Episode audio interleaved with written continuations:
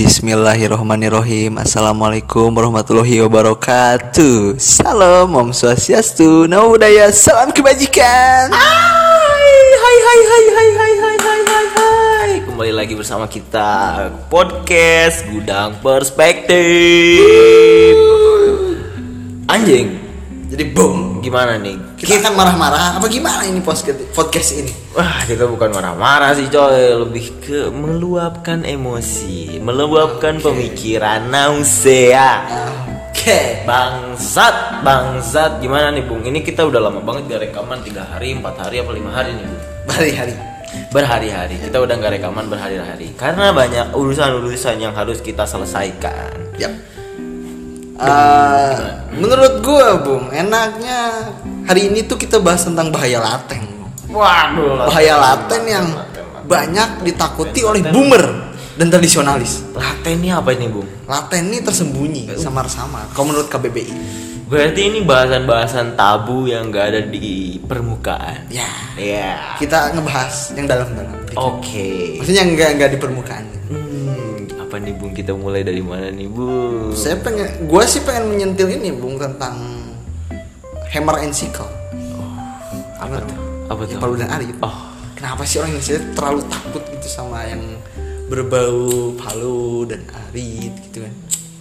Kenapa sih? Waduh menurut waduh. lo kenapa bung? Waduh, waduh, waduh, waduh. Sama seperti ini, gimana ya Bung ya?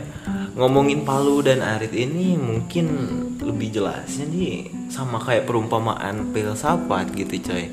Karena istilahnya orang anggap filsafat nih sebagai apa ya? Sebagai sesat.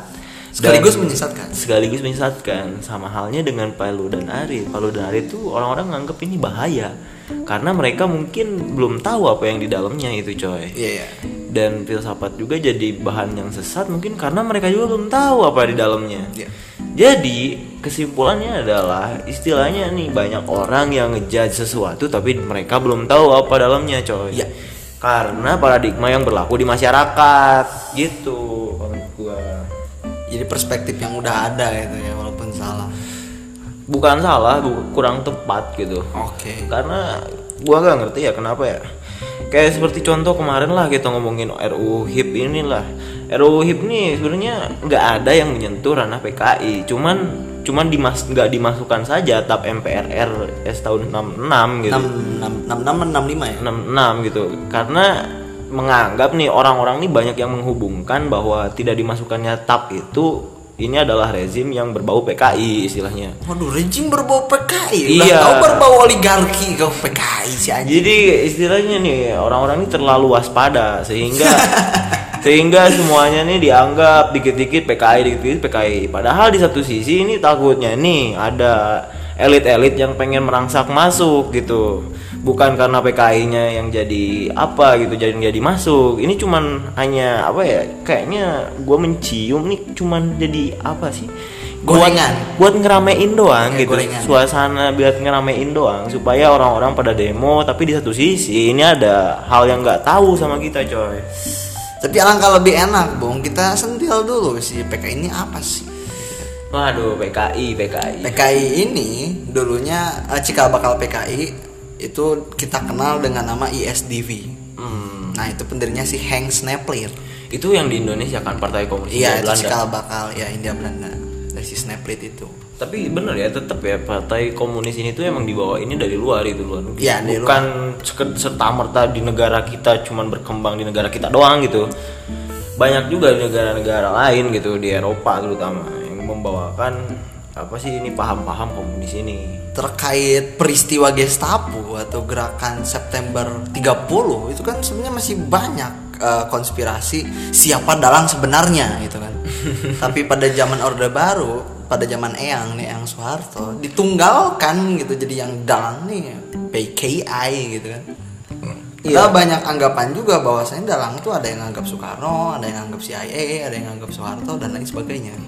Itu menurut gue emang bener-bener pure permainan sih coy. Jadi bener-bener ya istilahnya kalau misalkan kita lihat sejarah nih yang gak pernah disorot kan bukan masalah siapa yang ngebunuh jenderal dan dan korbannya siapa gitu. Istilahnya PKI ini menurut gue terlalu digembar-gembor ditakut-takutkan kepada masyarakat gitu Ya. coy.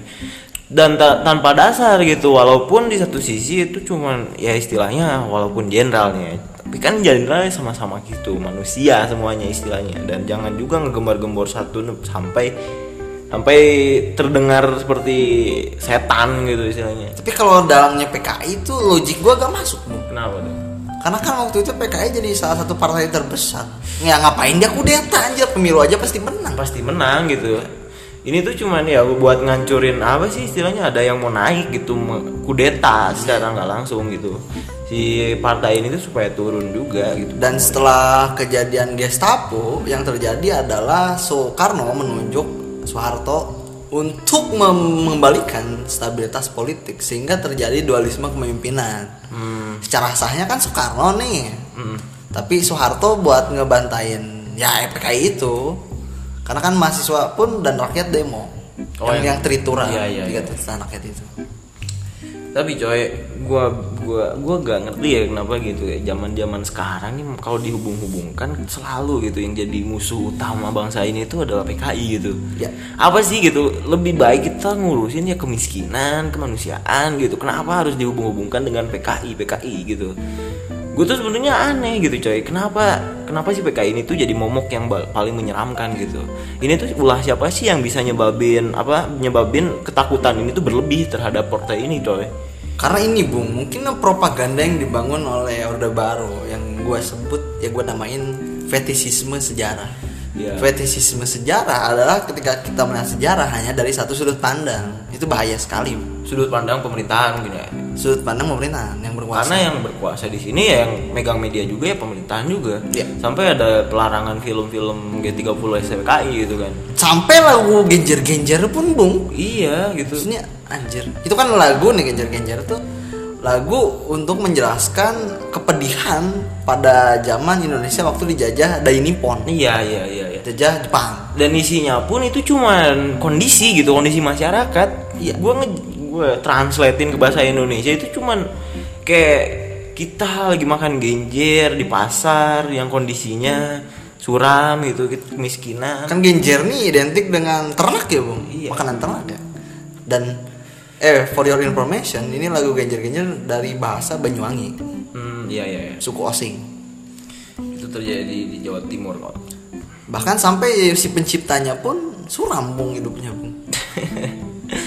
Gak, aduh, coy. Nah, apa sih coy ini propaganda gitu, coy. Media-media ini terlalu menitik beratkan gitu menurut gue, coy. Poin gue gini bung, oke kita harus bersimpati pada Dewan Jenderal yang dibunuh oleh PKI. Tapi di sisi lain kita juga harus bersimpati atas pembunuhan orang yang dituduh disangka PKI. Iya, iya, iya. Itu berapa juta orang men? Di film senyap, di film jagal, Itu itu beneran udah kayak genosida sih. genosida. Apa bedanya sama Pak Stalin gitu kan membunuh rakyatnya sendiri? Jadi sebenarnya nih yang mem- pah- yang menggembar-gemborkan lah, coy. Kalau menurut gue berarti yang agak-agak harus Dikit-dikit di teriak nih mesin-mesin apa sih gitu kan? ah gitu kayak satu sisi ini terlalu ketakutan dan satu sisi juga memanfaatkan ketakutan itu untuk mencuri gitu Me- apa ya? Mengorganisir massa ya. mengorganisir masa gitu sampai sampai gitu banyak orang-orang yang bisa dianggap istilahnya masuk dalam partai komunis itu partai komunis padahal kan secara secara apa ya secara kemanusiaan itu bener-bener gak jelas gitu cuman gara-gara mereka komunis mereka dibunuh gitu Ya, dan sentimen juga Bung kita singgung dikit. Sentimen yang berkembang pada masyarakat Indonesia ini bahwasanya PKI sama dengan anti agama. Kita sentil sedikit. Komunis ini eh, mazhab politik ekonomi, dia ideologi. Emang banyak eh, orang-orang komunis ini yang jadi ateis atau agnostik, tapi tidak semua. Kalau yang tidak bertuhan, tidak percaya Tuhan, menolak keberadaan Tuhan itu disebutnya ateis, bukan komunis. dan itu pun ranah teologi Iya. bukan ranah politik Ya, jadi orang komunis belum tentu ateis. Dan orang ateis belum tentu komunis gitu. Jangan disamaratakan, jangan menjadi false dikotomi atau dikotomi yang salah gitu. Kedua hal yang berbeda disatukan. disatukan dan yang dan kayak kita ngebahas dulu aja ya mungkin dari awal deh ini tuh mar di, di awalnya kan marxisme kan ya ya marxis ini tuh kan paham-paham kayak komunis, sosialis, materialis ini kan awalnya tuh dari Marx itu, Ya. Karl Marx. Di opung. Dari opung Marx. Dan kalau bicara tentang opung Marx itu ya dia cuman ngebahas tentang ekonomi dan politik. Bagaimana caranya ekonomi ini sejalan dengan pemikiran rakyat, kondisi rakyat. khususnya rakyat proletariat. Iya. proletariat ini golongan menengah ke bawah. Iya, tapi disalahartikan lah sekarang gitu. Istilahnya Partai Komunis ini bakal menghancurkan rezim-rezim yang sudah kuat gitu. Istilahnya investor-investor asing yang udah punya duit. Istilahnya jadi ancaman dan negara pun nggak mau bahwa pemilik modal dari negara tersebut di digonjang ganjing lah sama komunis gitu istilahnya dan secara kesejarahan kalau kita lihat eh, pada peristiwa Gestapo atau gerakan September 30 ini kan waktu itu terjadi yang namanya perang dingin antara Soviet dan Amerika. Dan Amerika. Amerika ini gak mau gitu paham-paham Soviet atau paham-paham komunis berkembang di Asia khususnya Indonesia. Karena Indonesia ini kan strategis nih jalur-jalur lewat dan gak mau jatuh ke tangan komunis gitu. Mungkin dari situ eh, timbul eh, dari tim-tim intelijen Amerika untuk menentukan komunis dari dalam kayak segitu dari oh itu zamanan Soekarno itu ya Zaman yang Soekarno. ada gembar-gembor CIA itu apa Ya karena eh, Amerika ini gagal di Vietnam, Bung. Amerika kan mau menghancurkan komunis di Vietnam, tapi gagal oleh sama di per- Vietcong itu. tapi kan kalau di film yang menang Rambo itu. Oh, iya. Lawan satu batalion. Ya tapi gi- gimana ya coy Ini kan dalam satu paham ini tuh kan Dalam niatannya nih niatan ini tuh bagus gitu Bersama-sama membangun perekonomian Supaya rata gitu coy Ya. Kalau misalkan kita dipikir itu emang konsepnya bagus Tapi yang saat jadi satu kecacatan mungkin komunis di sini tuh ya Adalah eh, kesalahpahamannya itu coy kalau Miskonsepsi. miskonsepsinya Mispersepsi. antara orang-orang dan konsepsi yang ada Ya. karena mungkin banyak juga yang missing information missing eh, missing sejarah gitu coy banyak sejarah-sejarah yang disembunyikan dari komunis atau sosialis gitu materialis Dan dengan adanya pelarangan buku, raja buku tentu akan memperparah, Bung. iya jadi istilahnya banyak juga buku yang disita-sita Iya, itu kan kayak waktu itu ada di mana di Sulawesi. Sulawesi banyak coy Raja buku gitu kan, buku. Ini bukunya Franz Magnus Suseno, sedangkan dia anak kanan gitu. Gimana caranya? Itu kan buku Franz Magnus Suseno tentang kritik komunis, tapi diambil juga gitu. dan, Kenapa? dan menurut gua nih missing missing ini tuh ya yang nyebabin kita nih nggak ngerti tentang apa titik berat masalahnya gitu istilahnya banyak buku-buku yang yang berjudul Karl Marx atau mungkin kiri jalan terus. Terus ada juga yang namanya tentang Tan Malaka. Itu bener-bener disitain coy sama tentara dan polisi. Nggak tahu dasarnya apa. Mereka mereka nih nyita nyita nyita tapi nggak tahu dasarnya apa. Dasar Karena- akademisnya apa? Nggak ngerti. Gitu. Das, mungkin Bung mereka ini menyita atas dasar hukum. Karena pelarangan itu yang tap itu kan, pelarangan ideologi komunis dan Marxis. Mungkin karena dasar itu. Dia punya dia menyita kan dia punya badan hukumnya yang jelas gitu tap Iya. MPR RS. Iya, iya. Itu, Bung. dan tap itu pun juga menjadi halangan kita untuk maju coy kalau misalkan kita tetap berpaku tangan pada tap MPR pelarangan komunis gimana kita ngerti masalah komunis ini sedangkan bukunya disita gitu coy. Tentara di sini tuh bener-bener gak, gak ngerti masalah akademisi atau gimana gitu ya jadi apa-apa yang berbau tentang kiri kiri kiri cuman di itu nggak habis pikir gue itu tuh kan adalah ilmu untuk memajukan atau mencerdaskan bangsa gitu. Kembali lagi ke komunis. Sebenarnya kan terminologi komunis ini, spektrum komunis ini banyak gitu kan. Komunis ini ada yang versinya Lenin, ada yang versinya Stalin, ada yang versinya Mao dan lain sebagainya. Kenapa disamaratakan satu gitu kan? Si Marx ini kan dia bikin eh, konsep gitu. Dia menawarkan, dia ngerti kapital, dia juga yang nawarin solusinya, antidotnya, obatnya. Nah, dia ini gak pengen negara komunis atau negara sosialis ini pemimpinnya atau birokrasi pemerintahannya diktator gitu kan. Hmm, iya. Secara ekonomi harus sosialistik, tapi secara pemerintahan jangan diktatorian gitu. Tapi yang terjadi adalah diktatoran itu. Nah, kesimpulannya apa? Kesimpulannya secara kesejarahan belum pernah ada satu negara pun yang menjalankan komunisme versi asli si Marx. Iya. Belum ada. Iya, iya benar. Karena eh, komunisme Uni Soviet ini pincang gitu, Bung, versinya Lenin ini. Hmm. Secara ekonomi mereka sosialistik, tapi secara pemerintahan birokrasi mereka ini diktator, ya atau despotisme. despotisme itu. Jadi istilahnya pemerintahannya nih adalah kediktatoran, tapi sistem ekonominya Udah benar, Udah benar. Udah benar, udah maju. Jadi berarti kayak Cina itu ya, ya. Ke Cina. Cina ekonominya benar-benar sosialis, tapi kan dia kalau misalkan dilihat dari pemerintahan itu benar-benar nggak nggak sosial gitu coy. Sosial. Apa sih namanya itu? Mau Zedong kan diktator ya. Jadi diktator. Tapi Iya. Cina ini keren, Bung menurut gua. Gimana? Kan secara dasar negara mungkin falsafah Cina ini falsafah negara Cina kan dia emang komunis nih. Iya. bahkan partai komunis ada di Cina nih. Hmm. dan partainya pun di Cina satu itu partai komunis. Tapi secara ekonomi Cina ini kan liberal gitu. Iya iya, secara ekonomi. lebih- Cina liberal ekonominya dan swasta swastanya kapital gitu. Jadi gimana ini Cina? Dasar negaranya komunis. Iya. sistem ekonominya liberal dan swasta swastanya berkembang secara kapital gitu kan Cina nih. Bahkan di Cina banyak Starbucks mungkin ya. Atau gimana Aduh. Dan itu ya bukan jadi da- jadi dasar gitu ya ketika Cina nih identik dengan komunis. Ya. Dan kita takut terhadap Cina. Cina gitu coy. Dan mungkin nggak semua dari Cina ini adalah berbau komunis. Mungkin Ya. partainya doang coy. Sebenarnya partainya doang, tapi sistem ekonominya tuh adalah liberalis. Ya. Justru yang gue lihat sekarang Cina ini bergerak menuju Cina yang kapital gitu. Dan si komunis ini berperan cuma sebagai ya komunis gitu kan di Cina biar pemerintahannya terpusat gitu satu. Soalnya ini kalau di Cina itu seperti buat menghargai aja gitu Ya. kan, menghargai sejarah bahwa ketika zaman kerajaan itu kan dihentikan oleh Mao Zedong untuk jadi negara. Oh iya. Kalau nggak salah gitu kan. Dan mungkin diperpanjang lah itu katanya sistem-sistem politik yang berbau komunis ya supaya untuk melanggengkan mungkin dari zaman dahulu sampai sekarang untuk untuk perubahan-perubahan yang terbarukan istilahnya gitu. Dan berbicara tentang komunis ini, komunis ini kan, aduh gimana ya bung? Zaman reformasi pun masih tabu gitu kan. Sekarang kan reformasi ini ya udah bereformasi gitu dari zaman Orde Baru tapi masih tabu dan satu-satunya presiden yang pernah menyentil tentang komunis ya Gus Dur gitu.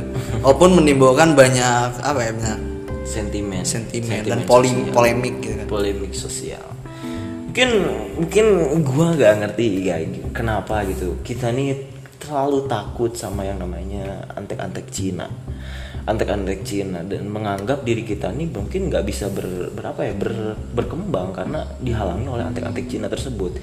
Padahal coy kalau misalkan kita lihat dari sisi ekonomi Cina nih emang berpengaruh besar dalam ekonomi Indonesia untuk meng, apa ya menyerap tenaga kerja dari Indonesia juga. Kalau misalkan kita cuman takut yang namanya tenaga asing dari Cina itu karena kita tidak bisa mungkin istilahnya tidak bisa menyamai kemampuan dari mereka. Ya jelas gitu kan ketika pem- ketika perusahaan ingin memperkerjakan ya jelas lebih dilihat dari kualitas pekerjanya tersebut. Kalau misalkan kita tidak bisa bersaing dengan Cina ya jelas kita benar-benar kalah gitu dari teknik mungkin dari kualitas pekerja atau apanya itu. Kayak saya sebenarnya bukan mendukung apa yang namanya Cina tapi coba lihat dari sisi lain gitu coy. Bukan masalah itunya. Ya, dan menurut gua men, ketika kita eh, masih memiliki paranoid gitu, parno yang berlebih, tentu akan menimbulkan persepsi bahwasanya bangsa Indonesia ini memang bangsa yang inferior, bangsa yang terjajah gitu kan. Dan hal tersebut mungkin yang menjadi batu penghalang agar bangsa kita bisa maju. Gua sih gitu. jadi kita nih nggak tahu apa-apa kalau secara kasar nih. Kita tinggal tahu apa-apa tapi kita takut gitu. Ketika kita takut batas-batas yang akan kita lakukan ke depan itu pasti terhambat gitu. Istilahnya kita nggak bakalan bisa untuk menggapai titik B ketika kita stuck di titik A gitu. Karena kita takut melewati titik A gitu jadi cobalah untuk lebih menerima gitu realita yang ada bahwa emang Cina ini kualitas pekerjaannya emang lebih baik ketimbang di Indonesia. SDM-nya ya? SDM-nya nih emang lebih baik, tapi di satu sisi juga kita harus berpikir bahwa kita harus mengembangkan juga apa yang namanya SDM kita. Jangan serta merta kita berpangku tangan pada apa ya pada ekonomi-ekonomi yang emang itu dibawakan oleh Cina gitu Ya. Jangan mau ngeritik doang Sekarang kan emang udah zamannya pasar bebas, Bung. iya pasar bebas Masyarakat ekonomi Asia, Mea. Jadi ya wajar aja gitu kan sah-sah aja. Kalau kita e, melihat statistik sebenarnya lebih banyak e, pekerja Indonesia yang bekerja di negara lain Hmm. dibanding negara lain yang bekerja pada Indonesia di Indonesia. Iya. Kalau lihat statistik. dan pasti juga ada kan ya di setiap perusahaan nih eh, kuota dari tenaga kerja asing Iya. Tidak serta merta tenaga asing ini tuh langsung aja dimasukin dimasukin dimasukin tapi itu ada aturannya yang berlaku Gue bicara gini dengan si Anjal bukan berarti gue mendukung tenaga asing tidak. Bukan. Justru gue mendukung tenaga lokal kita lokal pride ini harusnya mikir gitu yang lu harus lakuin nih eh, menaikkan kualitas diri lu bukan mengkritik orang lain gitu kan. bukan mengkritik orang lain Si orang asing ini asing aseng oseng ini. gitu. Istilahnya kita nih harus menyadari bahwa ini adalah realitas yang harus kita terima dan bagaimana kita caranya menghadapi hal tersebut gitu. Ekonomi politik di Indonesia ini emang benar-benar udah carut marut kalau bisa dibilang gitu. Tapi gimana kita caranya untuk membangun diri kita menghadapi realitas yang ada? ya. Dan menurut gua nih ya, yang satu jadi permasalahan ini cobalah tolong jangan kita takuti hal-hal tabu yang ada di Indonesia. Kita coba jelajahi dulu baru kita menganggap itu takut gitu. Istilahnya jangan cuma di dasar doang ngelihatnya, tapi pada nyatanya pada dalamnya nih emang beneran nggak nggak ada nggak ada bahaya-bahaya berlebih gitu. Sekarang gua tanya deh Bung, emang sekarang negara yang pakai paham komunis ada emang? Kagak. Kagak ada. Emang komunisnya udah mati. bisa Udah mati gitu karena emang kalau dijalankan ini ideologi komunis emang susah gitu susah. Iya, emang gak, emang bener-bener gak, gak ini, gak dengan, gak sesuai dengan negara yang ada sekarang. Karena untuk menerapkan sistem sama rata sama rasa itu emang susah bener bung. Dan keadilan di sini pun ya nggak bakalan bisa dipertimbangkan relatif semuanya sama rata sama rasa emang udah gak ada gitu. Karena emang susah bung. Maksudnya ga- bagaimana caranya kita mengatur Indonesia dengan jumlah penduduk ya kurang lebih 250 juta orang dengan satu pemerintahan yang terpusat dan 250 juta jiwa tersebut merasakan keadilan yang sama gitu sama rata sama Iya, rasa gimana iya, kan gitu susah. kan. Susah, jangan cuma jadikan maksudnya ini buat pemerintah juga nih ya. Gue cuman bicara nih, jangan dijadikan isu komunis bangkit kembali, tapi di satu sisi Anda mempermainkan kepercayaan rakyat untuk melakukan hal-hal yang lain gitu, coy. Jadi ada nih, ketika kita menggembar-gemborkan satu isu, pasti ada isu lain yang disembunyikan. Ya, gue pun melihat pola bung pada negara-negara diktator gitu kan. Negara-negara yang cenderung pemerintahan diktatorian gitu, gue melihat pola bahwasanya untuk melanggengkan eh, kekuasaan kediktatoran tentu ada yang namanya kambing hitam. Iya. Gue melihat pola sebagai contoh gitu negara-negara diktatorian itu seperti Korea Utara. Korea Utara kambing hitamnya apa? Ya Korea Selatan. Jadi eh, si kambing hitam ini emang perlu gitu untuk melanggengkan kekuasaan gitu. Iya, iya, iya, iya, iya. Terus ketika kita melihat tentang eh, Jerman misalkan pada zaman Hitler perang dunia kedua, kambing hitamnya apa gitu kan? Kan orang Yahudi gitu kan. Atau orang eh, negara Uni Soviet gitu, kambing hitamnya apa? Ya orang-orang borjuis ini gitu kan yang diserang sama eh, bukan diserang, yang dilawan oleh orang-orang Bolshevik, kaum-kaum Bolshevik. Seperti itu. Nah, untuk melanggengkan itu ya. Untuk melanggengkan gitu. tidak tidak mungkin bisa terus bertahan ketika tidak ada yang diinferiorkan. Nah, Jadi istilahnya wah, negara kita tetap ada, pasti ada korban gitu. Entah itu dari mana, pasti ada kambing hitamnya, pasti ada yang disembunyikannya dan disembunyikan inilah yang menjadi tanda tanya gitu. Kenapa kita masih takut dengan hal yang harus disembunyikan? Harusnya ini lebih terbuka gitu.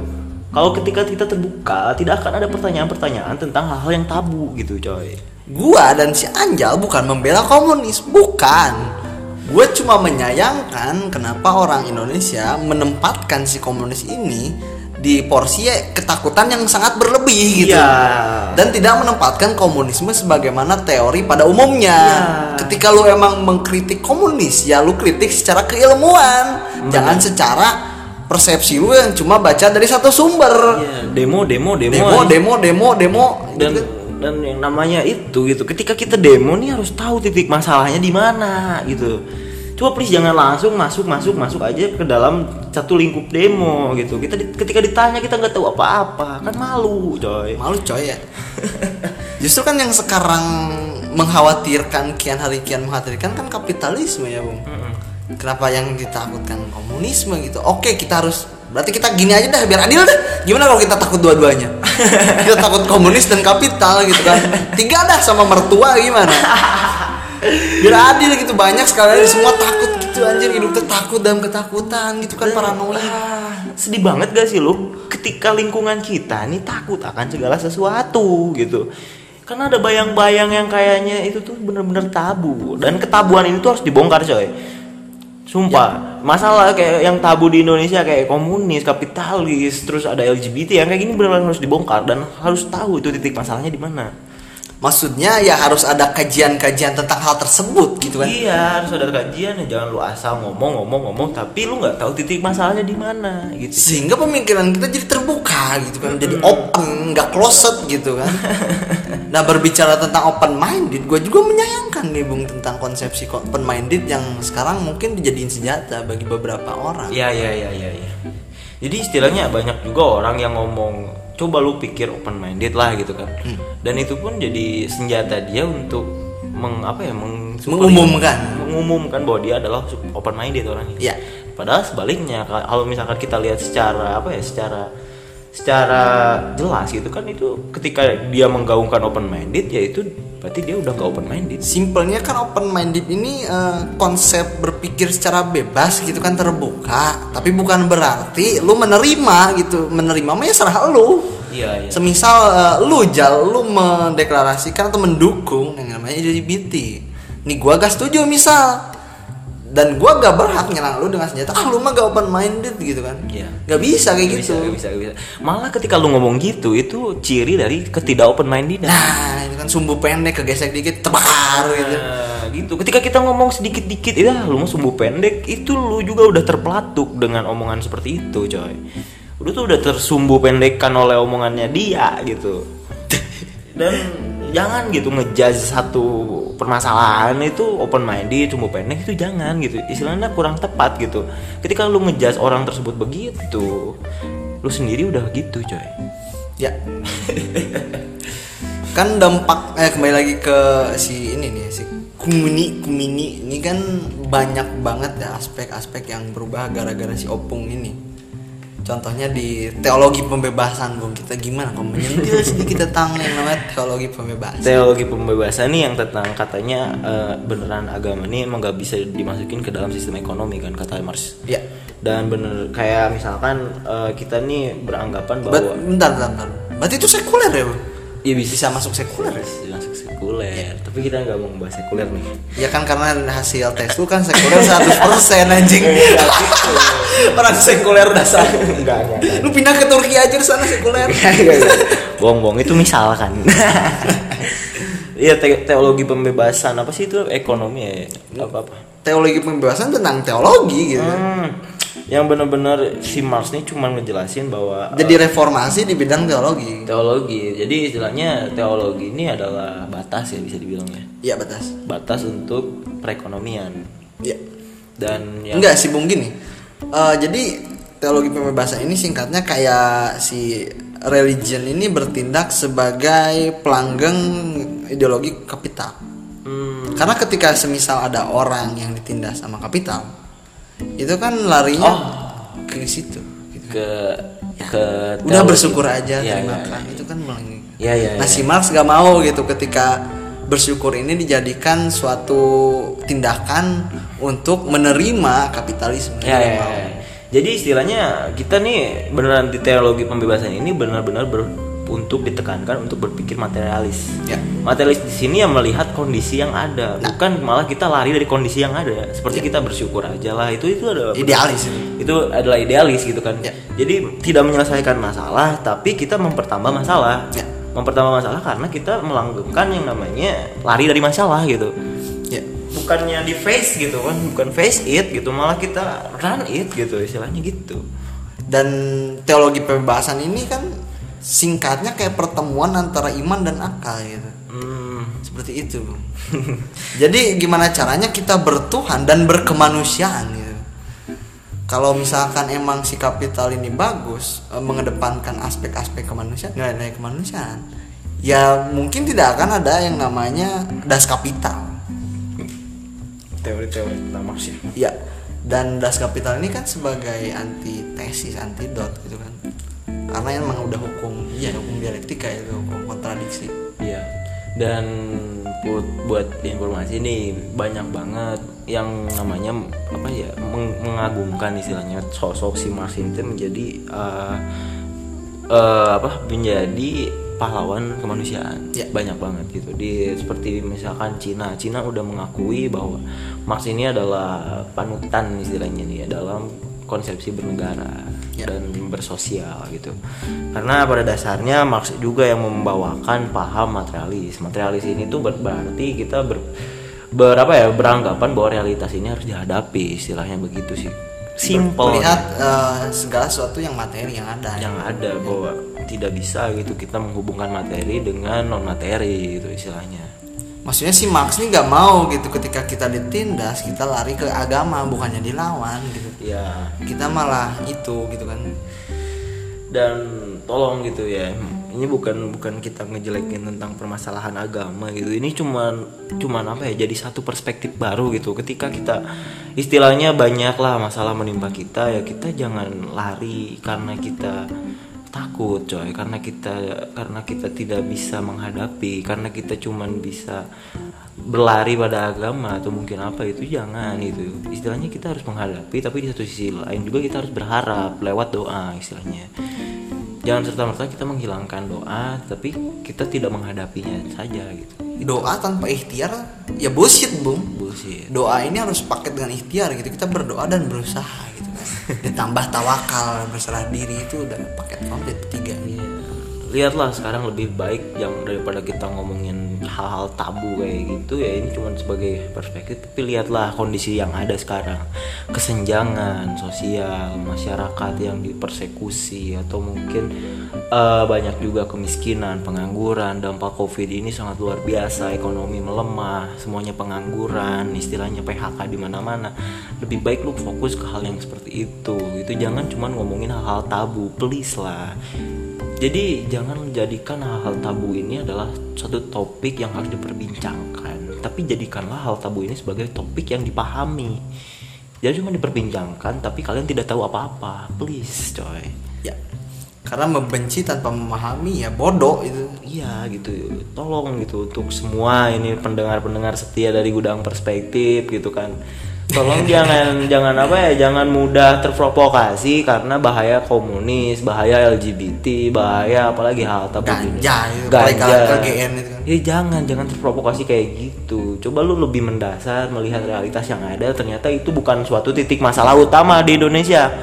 ya Titik masalah utama di Indonesia yang tadi nilai-nilai kemanusiaan yang dikurangi, nilai hak asasi manusia yang dikurangi itu coba tolong lebih fokus ke situ. Jangan cuman Anda teriak-teriak kok Anda komunis, Anda komunis, Anda pencitraan, Anda suka LGBT. Enggak, coy. Enggak, bukan itu titik masalah Indonesia bukan.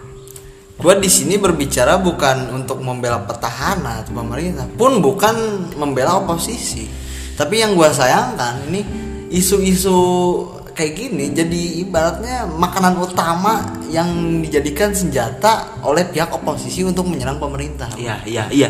seperti kan yang duit itu duit satu seribu ada peluaritnya sebelah mana anjing? Nggak ada. Iya, iya, iya. apaan coba? Sejak kapan gitu kan? Maksudnya kalau komunisme yang benar-benar komunisme nggak ada yang namanya uang gitu. Nggak pakai uang komunisme mah. Barter. barter. Gua punya jauh sasikat gitu kan. Lu punya apa kopi saruntuy gitu kan. Kita barter aja udah gitu kan. Gak usah pakai duit. Terus sama-sama menerima gitu kan. komunis yang sejati itu gak pakai duit. Kembali lagi ke zaman masyarakat primordial gitu. Susah. Emang susah emang. Dan untuk eh, kemungkinan gua berbicara tentang kemungkinan bangkit memang ada. Kita tidak bisa menutup kemungkinan untuk kemungkinan bangkit. Akan tetapi kemungkinan ini kecil bung menurut gua kecil mungkin hanya 00, koma ya Iya, benar. 0,0001. kenapa kecil ya karena emang komunisme ini nggak bisa mengikuti perkembangan zaman menurut Hmm, ya, ya, ya. Nggak bisa dia. Nggak bisa, nggak bisa. dia emang untuk masyarakat saat itu yang belum tersentuh teknologi seperti sekarang yang sedemikian pesat emang, bisa berkembang tapi sekarang nggak bisa bung Hmm, jadi komunisnya emang pasnya emang zaman dulu aja. iya zaman dulu aja. Kayak feodal tuh zaman dulu aja. Yang punya power ya udah berkuasa. Kan sekarang mah nggak bisa punya power berkuasa doang. Power power doang gitu. Soalnya emang gak make sense sih ya. Kalau misalkan dihubungkan dengan kondisi sekarang yang ada itu benar-benar nggak bisa sih coy. Dan menurut gua jangan serta merta kita bangkit dari komunis terus kita langsung demo itu ya kita lihat dulu probabilitas kemungkinan yang terjadi. Ya. apakah itu beneran bisa terjadi apa enggak gitu. Nah. Komunis ini tuh. Mungkin kan setelah kapital juga ada ideologi, ideologi baru bung yang menguasai negara-negara di dunia mungkin seperti anarko.